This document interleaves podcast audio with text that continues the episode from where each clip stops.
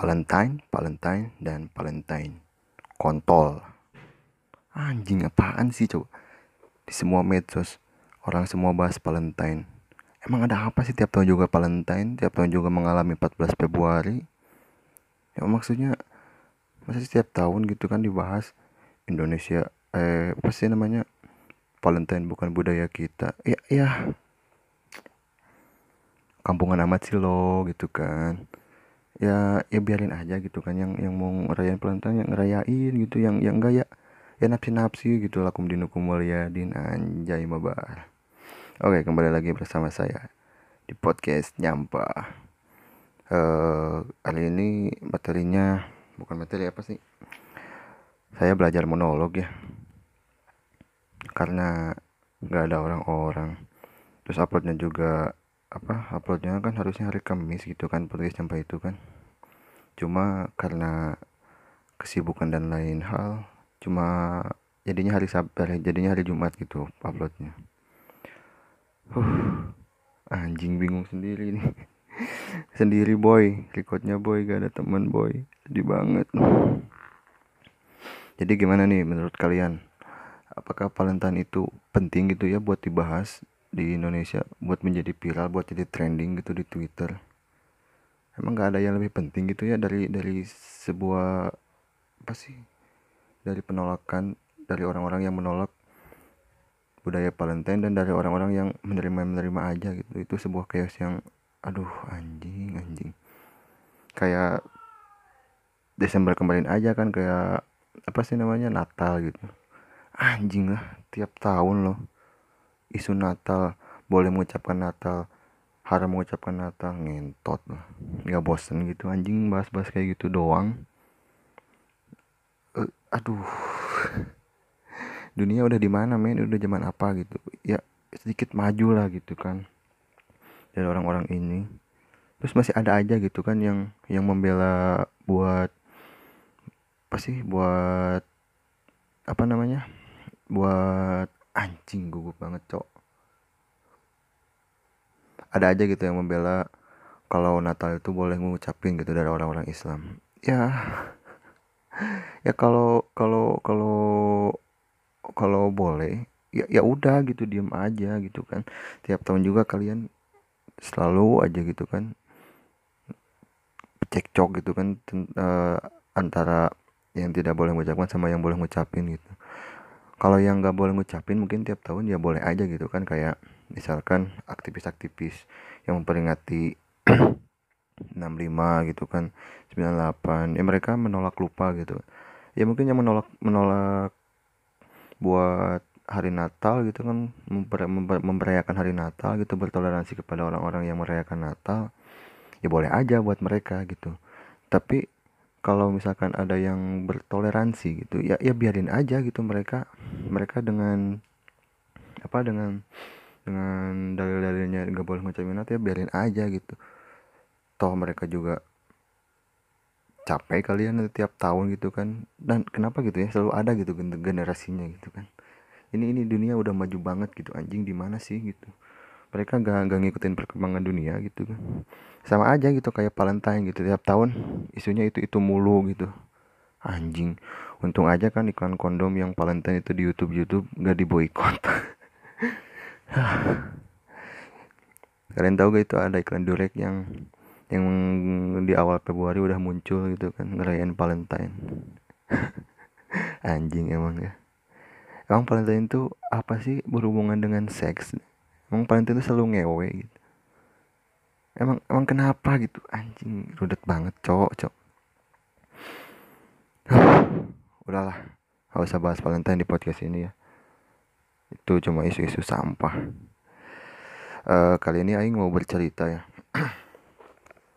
Tahun 2015 Aing tuh lulus SMA dan masuk kuliah. Terus jadi Aing tuh pernah bercita-cita bukan bercita-cita ya berambisi ingin jadi musisi. Uh, ingin ingin menguasai semua alat musik. Awalnya sih dari dulu suka drum ya dari kecil tuh kalau dengerin lagu suka niru niruin gitu kan. Uh, apa sih ketukan drumnya gitu kan bass bass drum ada di kaki simbal ada di tangan kanan snare ada di tangan kiri. Ya gitu gitulah lagunya lagu The Rock yang munajat cinta. Kemudian ngikutin juga The Laki-Laki eh, lagunya yang aku bukanlah Superman ketukannya gitu. Kemudian Aing tuh pernah gitu ya minta gitar sama orang tua.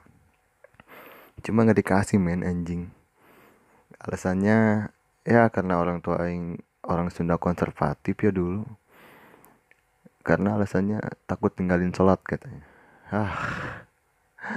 Kalau dulu mungkin oh ya juga ya nanti kalau aing ninggalin sholat dosa masuk neraka gimana ya?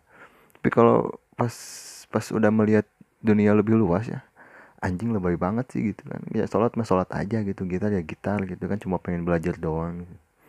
ya tapi namanya juga orang tua ya sayang sama anak gitu. Biar anaknya lebih soleh tapi nggak soleh soleh terus pas masuk kuliah ceritanya Aing tuh cari UKM ya unit kegiatan mahasiswa. Pas waktu ospek universitas pertama kalinya tuh Aing lihat anak-anak teater gitu kan anjing pada gila men mentalnya kuat banget kan. Dia nawarin sampai pakai baju baju cumpang camping gitu. Uh, terus kulitnya wajahnya dirias sama cat gitu. Anjing sumpah mentalnya kuat dan aing gak kuat kayaknya kalau ikutan teater gitu. Terus di sebelahnya tuh ada stand paduan suara mahasiswa. Dan di sana kok gini ya paduan suara kan cuma nyanyi doang ya tapi di situ kok ada orang-orang yang main musik gitu. Komplit lagi musiknya. Ada keyboard piano piano sama keyboard beda ya. Terus ada bass ada gitar ada drum juga. Anjing enak banget. Terus yang berkunjung berkunjung ke sana tuh kayaknya asik banget gitu ikut ngejam gitu kan. Dan lagunya tuh lagu-lagu bukan lagu-lagu lebay lagu-lagu barat gitu kayak gaya apa sih band-band anak-anak 90-an waktu zaman SMA gitu kayak Blink, Green Day, Avenger gitu. Mereka bawain lagu-lagu gitu anjing enak banget, cok. Sumpah dan aing dari situ mulai tertarik gitu kan. Kayaknya aing harus ngeband deh di, di mahasiswa gitu ya di di universitas di kuliahan gitu sebagai masa kuliah aing gitu kan. Anjing keren banget kan. Tapi awalnya aing tuh belajar gitar sama teman-teman yang di rumah gitu kan. Pertama kali itu ya belajar belajar chord chord dasar lah ya. Dan karena karena sekarang zaman modernnya jadi belajarnya tuh aing download video YouTube gitu kan. Belajar lagu lagu Green Day yang Wake, Wake Me Up When September Rain gitu kan. Yang itu karena karena petikannya anjing kayaknya aing keren deh kalau kalau bisa gitar ya kalau bisa petikan itu gitu kan lagunya. Dan gak bisa bisa main anjing. Susah banget anjing. Tapi semakin ke sini ke sini ya yang penting kita tahu chord aja chord aja dulu ya bunyiin chord yang jelas itu udah itu flashback terus kemudian kirain aingnya yang nyobain nyobain apa sih namanya? Nyobain nyobain yang nyoba nyoba di stand PSM itu kalian bakal langsung dimasukin ternyata enggak ada pendaftaran ulangnya lagi. Terus aing kan udah nyatet di situ ya. Terus ngasih nomor HP terus di chat gitu kan sama senior seniornya terus saya masuk aja. Daftar ulang gitu kan di stand standnya di pinggiran kampus lah ya. Kemudian disuruh datang lah kumpul kumpul sih cerita udah ospek udah apa. Tapi yang sebelumnya tuh anjing aing latihan nyanyi dulu dong. Aing gak bisa nyanyi dan aing gak suka nyanyi men. Tai banget lah pokoknya di situ perjuangannya.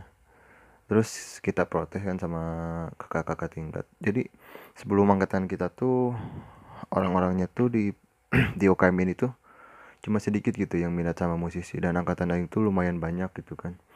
Kemudian dari situ dibikinlah sama si kakak-kakak ini ya kakak tingkat ini musisi divisi musisi gitu. Udah ada sih dari dulu cuma diaktifin lagi gitu kan. Dan dari situ aing belajar semuanya gitu piano drum gitar bass semua cuma Aing tuh kayaknya gak ada bakat gitu di musisi men. Aing belajar bass gitu kan dengerin lagu ngulik lagu gitu. Kayaknya Aing gak ada bakat men jadi aing tuh udah udah apa ya udah udah berikan segalanya gitu ya buat aing bisa memusik buat aing bisa bikin band gitu. Tapi emang udah ada band gitu cuma cuma kemampuan aing tuh gak naik naik gitu anjing. Kayak kayak kayak kalian gitu misalnya eh, apa sih pemain bola gitu kan. Kalau latihan terus terus terus. Tapi kalau gak kalau gak gak diizinin sama Tuhan gak ada bakat gitu kan ya ya udah gak akan bisa gitu men. Gak akan bisa anjing. Demi kayak maupun eh, mau lo berusaha sekuat apa pun gitu mau mau lo anjing pokoknya gak bisa lah. Gak bisa itu gak bisa dipaksain. Tapi orang-orang tuh ya belajar dikit ngerti dikit langsung dipraktekin bisa gitu. Aing tuh ngerti gitu materinya kayak eh apa sih eh, apa sih nota notasi notasi dasar musik gitu. Misalkan kalau donya C soalnya jadi G gitu. Aing ngerti gitu. Misalnya kan bikin chord C7 C D minus 9 aing ngerti gitu. Cuman pas dipraktekin ke alat musik anjing pusing banget men. Tai gitu. Tapi ya eh, buat materi juga ini biar nggak langsung ngerti gitu. Dijelasin juga sama teman-teman gitu belajar ya. Namanya juga mahasiswa kan diskusi gitu dan ke sini makin ke sini semakin ke sini ya dua tahun kemudian aing berhenti ya dari UKM itu. Karena capek gitu kan. Eh, ternyata aing itu terlalu naif gitu. Bukan bukan bukan bukan nggak bakat gitu men.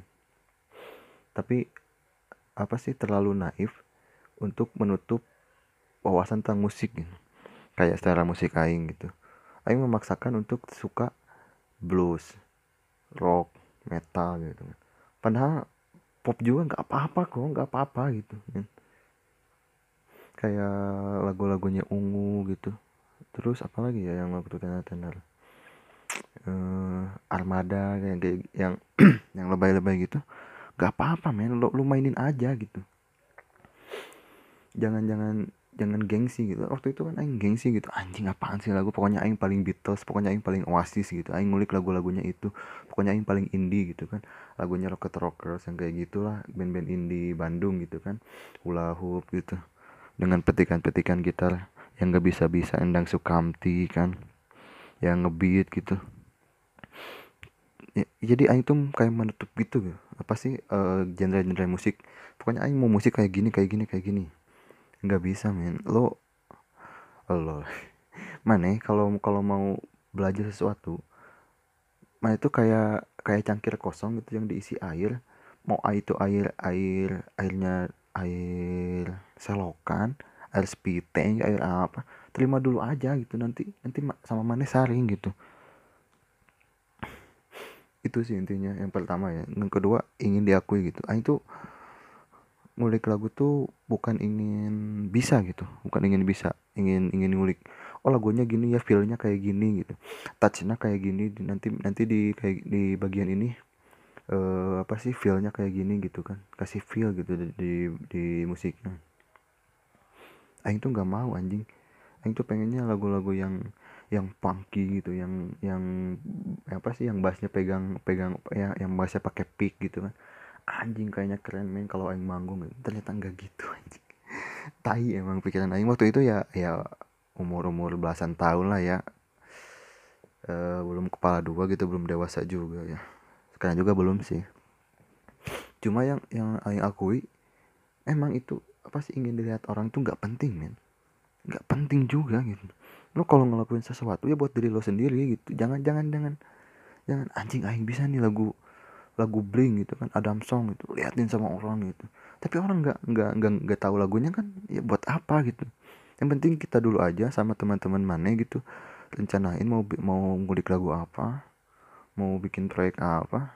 Ya ya udah kerjain gitu. Yang ke- kan waktu itu keegois ke keegoisan aing ya gimana aing gitu waktu itu band tuh. Dan ya nggak jalan-jalan deh kemudian aing ngulik, ngulik Beatle gitu anjing itu susah banget men Beatle. Ada aja aneh men. Nggak nggak keotakan lah gitu. Ya mungkin itu hukuman Tuhan ya buat aing yang kalau mungkin Tuhan bilang kalau lo mau kalau mana mau main musik ya serius main musik gitu. Jangan pikirin orang lain gitu. Dan yang alasan yang ketiga karena aing gak apa sih karena aing gagal jadi musisi ambisinya jadi musisi gagal itu jarang latihan ketika aing pulang ke kosan padahal di kosan ada gitar kan cuma kayak kayak eh mager gitu kan scroll scroll Instagram gitu kan ngeliat-liat apa ya mas-masan lah baca buku enggak memwibu lah di kosan. Ya kayak kayak gitu gitulah jadi nggak nggak sungguh-sungguh gitu nggak ngorbanin segalanya buat apa yang aing mau gitu itu salah besar men. Kalau mana mau sesuatu yang diinginkan kayak pengen jadi musisi pengen jadi MC pengen jadi guru pengen jadi ah pokoknya pengen jadi seniman apa pun ya ya ya mana harus serius gitu. Jangan jangan jangan jangan tergoda sama embel-embel yang belum belum belum realistis gitu. Kalau lo mulai dari nol ya ya bayangin mana itu bukan apa-apa gitu. Nothing gitu di, di mata orang Hah, udahlah ya. Ceritanya segitu aja. Sebenarnya gak penting juga sih ceritain cuma buat motivasi aja gitu kan buat kalian yang mau jadi seniman. Huh capek anjing ngomong sendiri. Kemudian yang Aing mau bahas itu yang kemarin-kemarin tuh beredar ya video viral uh, apa sih anaknya anaknya apa? Anak anaknya si anak anak perempuan yang bapaknya tuh yang di yang dibawa sama bapaknya ke ISIS. ISIS tuh negara negara mana? Syria atau apa sih? Ya, pokoknya diajak sama bapaknya buat gabung ISIS gitu. Bapaknya buat jihad katanya.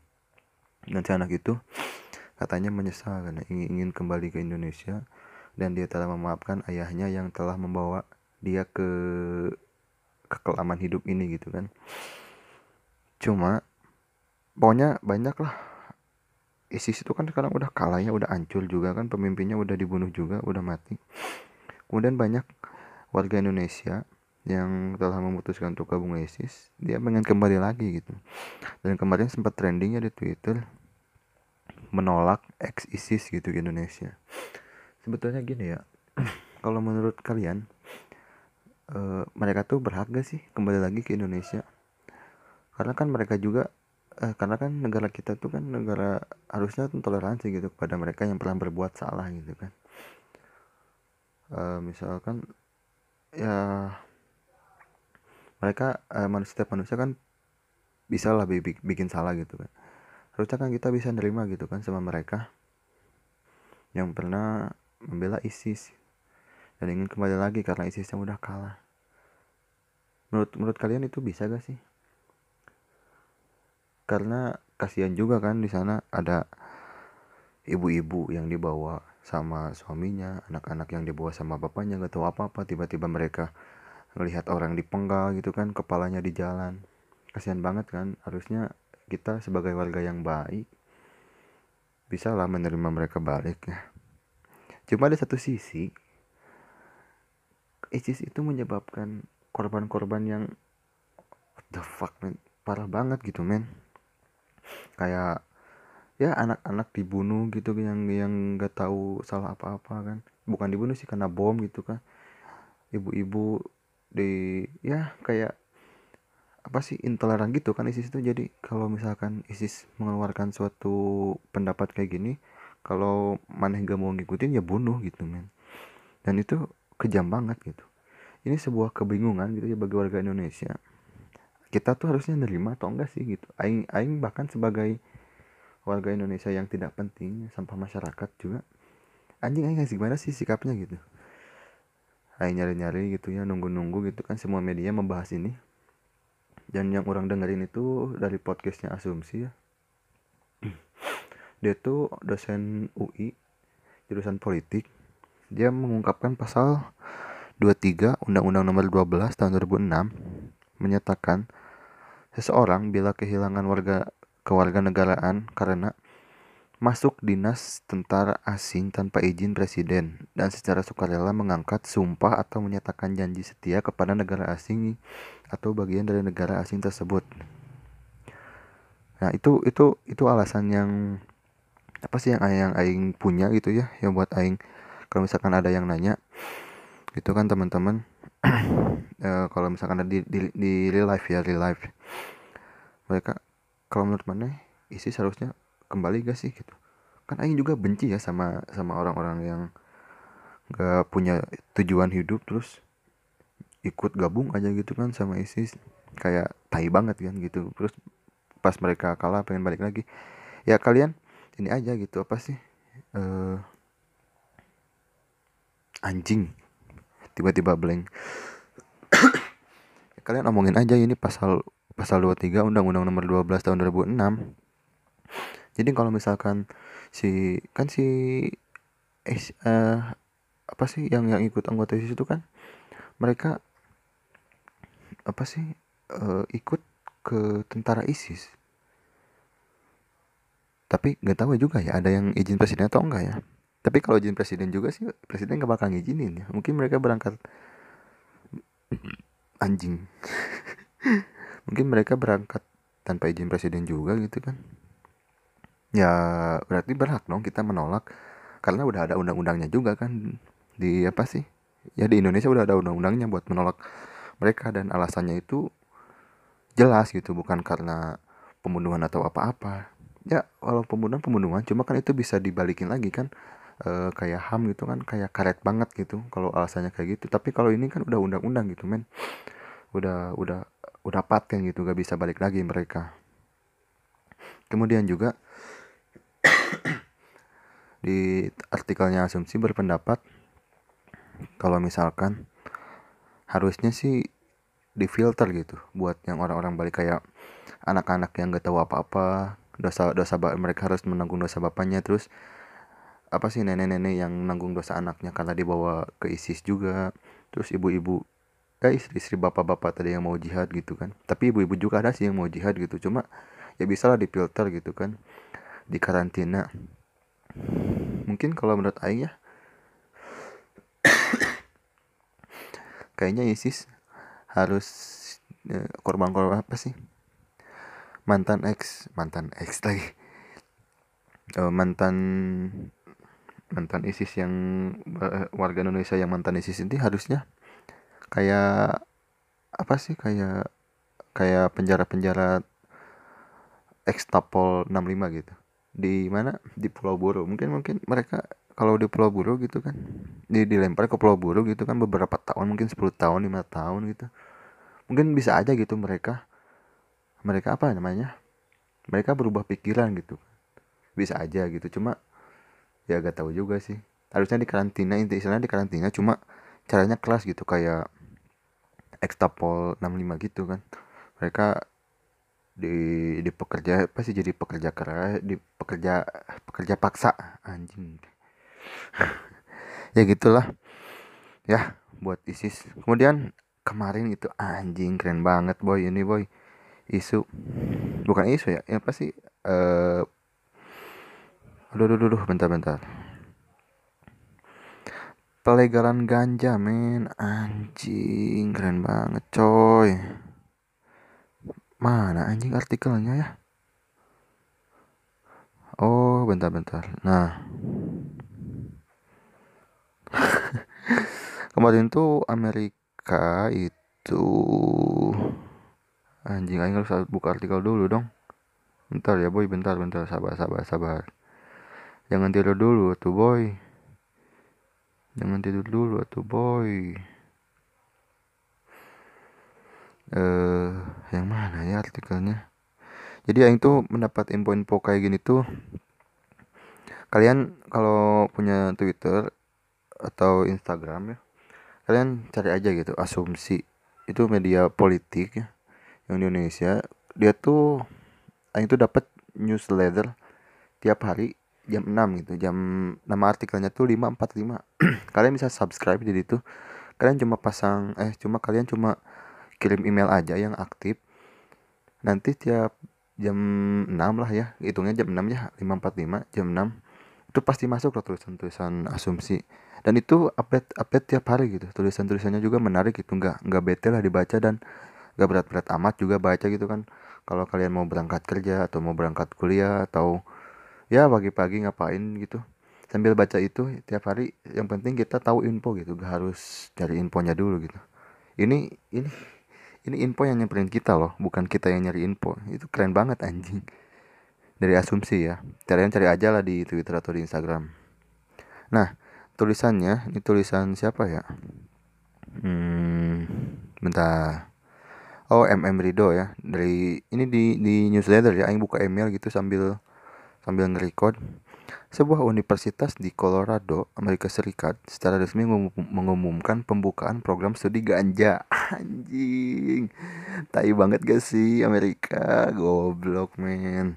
Tepatnya program sarjana ilmu biologi dan ganja ini menjadi yang pertama di negara bagian tersebut di negara bagian tersebut ya bukan di dunia yang kalau yang pertama di dunia yang juga gak tahu ya belum nemu infonya sebagai respon terhadap dampak ekonomi ganja. Pemasukannya itu lebih dari satu miliar loh. Pemasukannya itu lebih dari satu miliar anjing. Ya adalah sejak dinyatakan legal untuk keperluan rek rekreasi pada 2012 dan dijual di pasaran 2 tahun kemudian. Anjing kan sumpah. Indonesia itu banyak loh ganja anjing. Kayaknya kita bisa kaya lah kalau misalkan ganja dilegalkan gitu kan. Bener gak sih? Dan alasannya tuh memang ganja tuh bukan kayak ya ya bisa bisa dijadikan tumbuhan gitu kan buat para petani menjual ganja gitu. E, apa sih sebuah kemajuan ekonomi juga bisa gitu kan. Terus kesehatan juga di sini diinfokan gitu kan di WHO bahwa penderita epilepsi di Indonesia diperkirakan mencapai 2,4 juta orang atau sekitar 6, 6 dari 100 orang 1000 penduduk itu bisa disembuhkan dengan ganja. Anjing. Anjing. Anjing gila men ini men. Tapi banget gak sih? Sumpah sih. Ya. Dan bisa juga sih di Indonesia mungkin di ada ini ya gitu Universitas Penelitian Ganja di IPB atau di UI kan gitu di Unpad gitu ah, anjing anjing. Nah semoga saja di Indonesia cepat legal ya kan? Maksudnya buat kayak terapi terapi gitu ganja itu oke okay sih itu. Bukan buat bandel-bandelan atau gaya-gayaan ya tapi ya buat kesehatan gitu kan. Tapi harus ini kan harus diteliti dulu di Indonesia gimana cara pemakaiannya. Dan buat aktivis-aktivis ganja juga harusnya bisa menjelaskan kepada rakyat awam gitu ya bahwa sebenarnya ganja tuh nggak ini loh nggak jahat loh gitu. Nggak nggak jahat kalau dipakainya kayak gini misalkan. Aing juga belum tahu ya ngikutin juga gitu kan pelegalan ganja aktivis-aktivis ganja ya terserah lah itu. Dan untuk info selanjutnya yang mencengangkan ya bagi seluruh warga Asia Anjay. Paras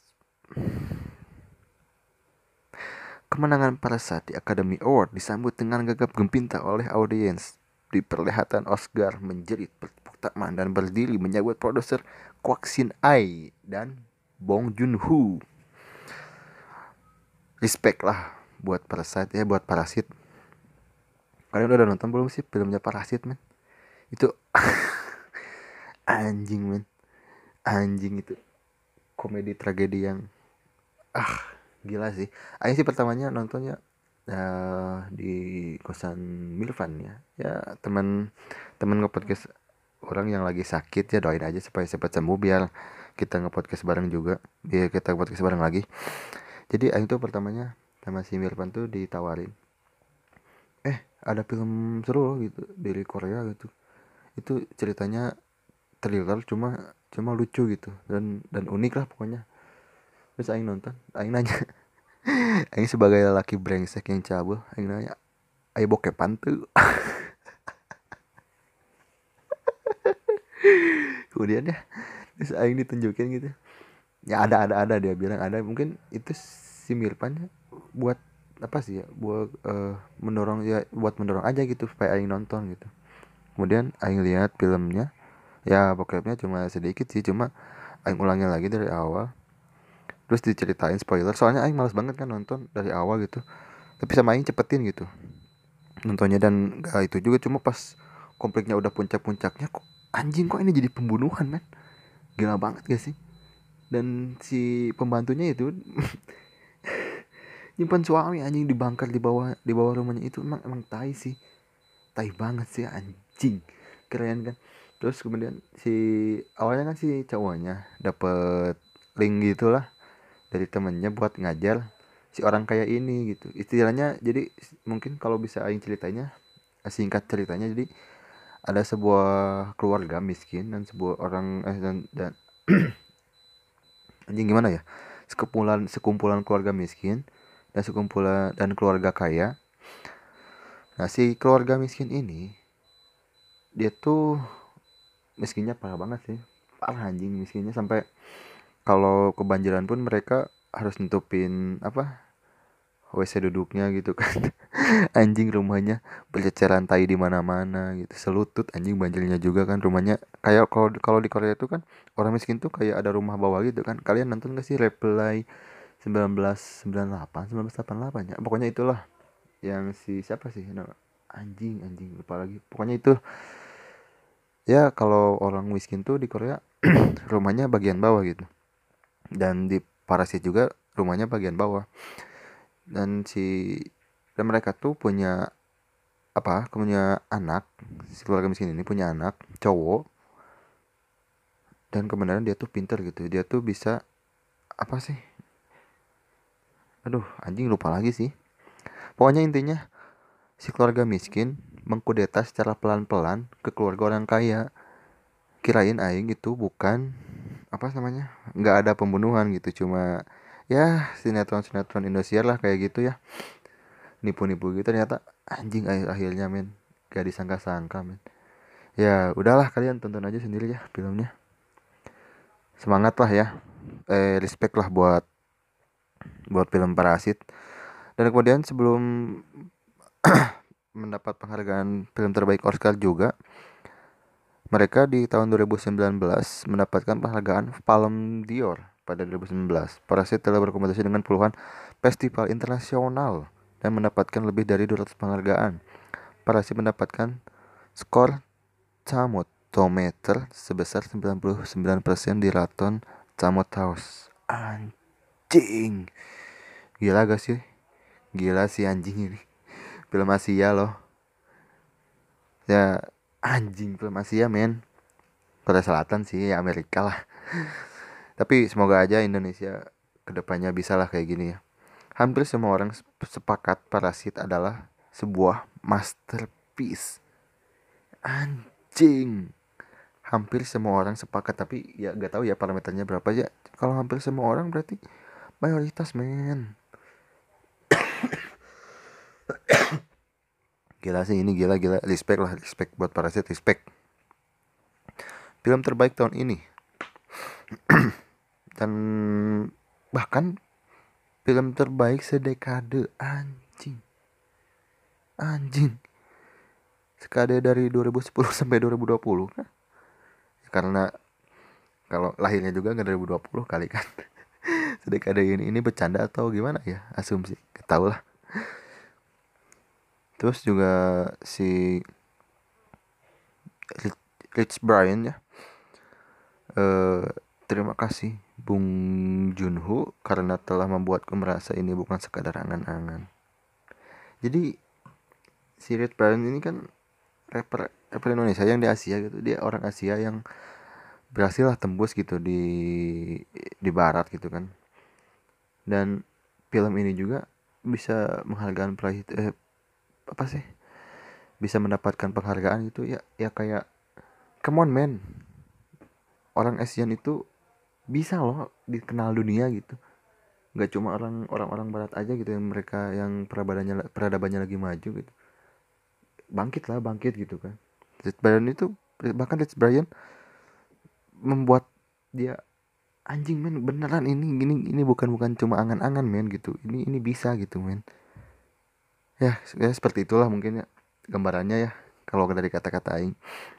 Kemudian juga orang tuh pernah ya baca kalau kalian suka baca novel gitu ngikutin novel sastra si Haruki Murakami itu penulis asal Jepang itu hampir loh hampir mendapatkan Nobel sastra.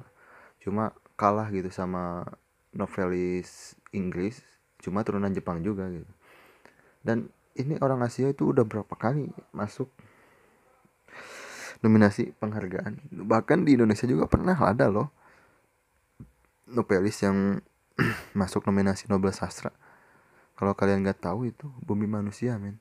Pencipta pencipta bumi manusia. Penulis anjing bukan pencipta goblok. Penulis bumi manusia. Tetralogi Pulau Buru. Penulisnya siapa? Ada yang tahu? Anjing aing kan ngomong sendiri ya itu Pramudia Anantatur gitu kalau kalian ngelihat bumi manusia itu sebagai Iqbal men anjing itu itu karya sastra yang di waktu zaman dulu ya yang di zaman modern. Awal-awal model ah, gimana ya? Kalian nggak ngerti ya post modern modern. Yang di zaman 90-an berapa, berapa sih buru-buru ya kalau di zaman dulu Pram itu bisa loh anjing masuk ke Nobel sastra nominasinya. Dan mak Aing tanya deh kalian tanya di sebelah dari sendiri apakah kalian tahu itu Pramudia Anantatur gitu? Mereka dia tuh pernah masuk Nobel sastra men. Kalian kalian cuma nonton filmnya sebagai Iqbal gitu. Harusnya kalian apresiasi bahwa bumi manusia itu bukan sekedar film Iqbal anjing. Tapi karya sastra anjing. Itu sebuah karya yang yang pada zamannya indah banget anjing. Sumpah sih itu keren banget sih. Ya semoga aja kalian dengan bacotan aing yang gak penting ini terbuka matanya ya. Ada apa lagi? Aing aing nyatet ya ini di laptop. Oh update corona ya. Kayaknya gak penting deh anjing corona apaan sih? Ya kalau kalian dengerin podcastnya asumsi mungkin udah tahu cukup ya sama aku gak usah asumsi deh ya. Misalnya podcast asumsi ya mungkin di YouTube aja gitu udah di Kobojer yang sama cowok yang kayak cewek gitu. Itu udah jelas kok itu itu sama banget. Apa sih semua info yang menolak corona itu berbahaya.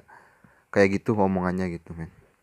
Bahwa corona itu adalah sebuah virus flu dan sebenarnya kalian gak usah takut kalau misalkan kalian memang bisa menjaga imuniti tubuh kalian gitu kata kalau aku kalau aku kalau yang dengerin di podcast asumsi ya. Kemudian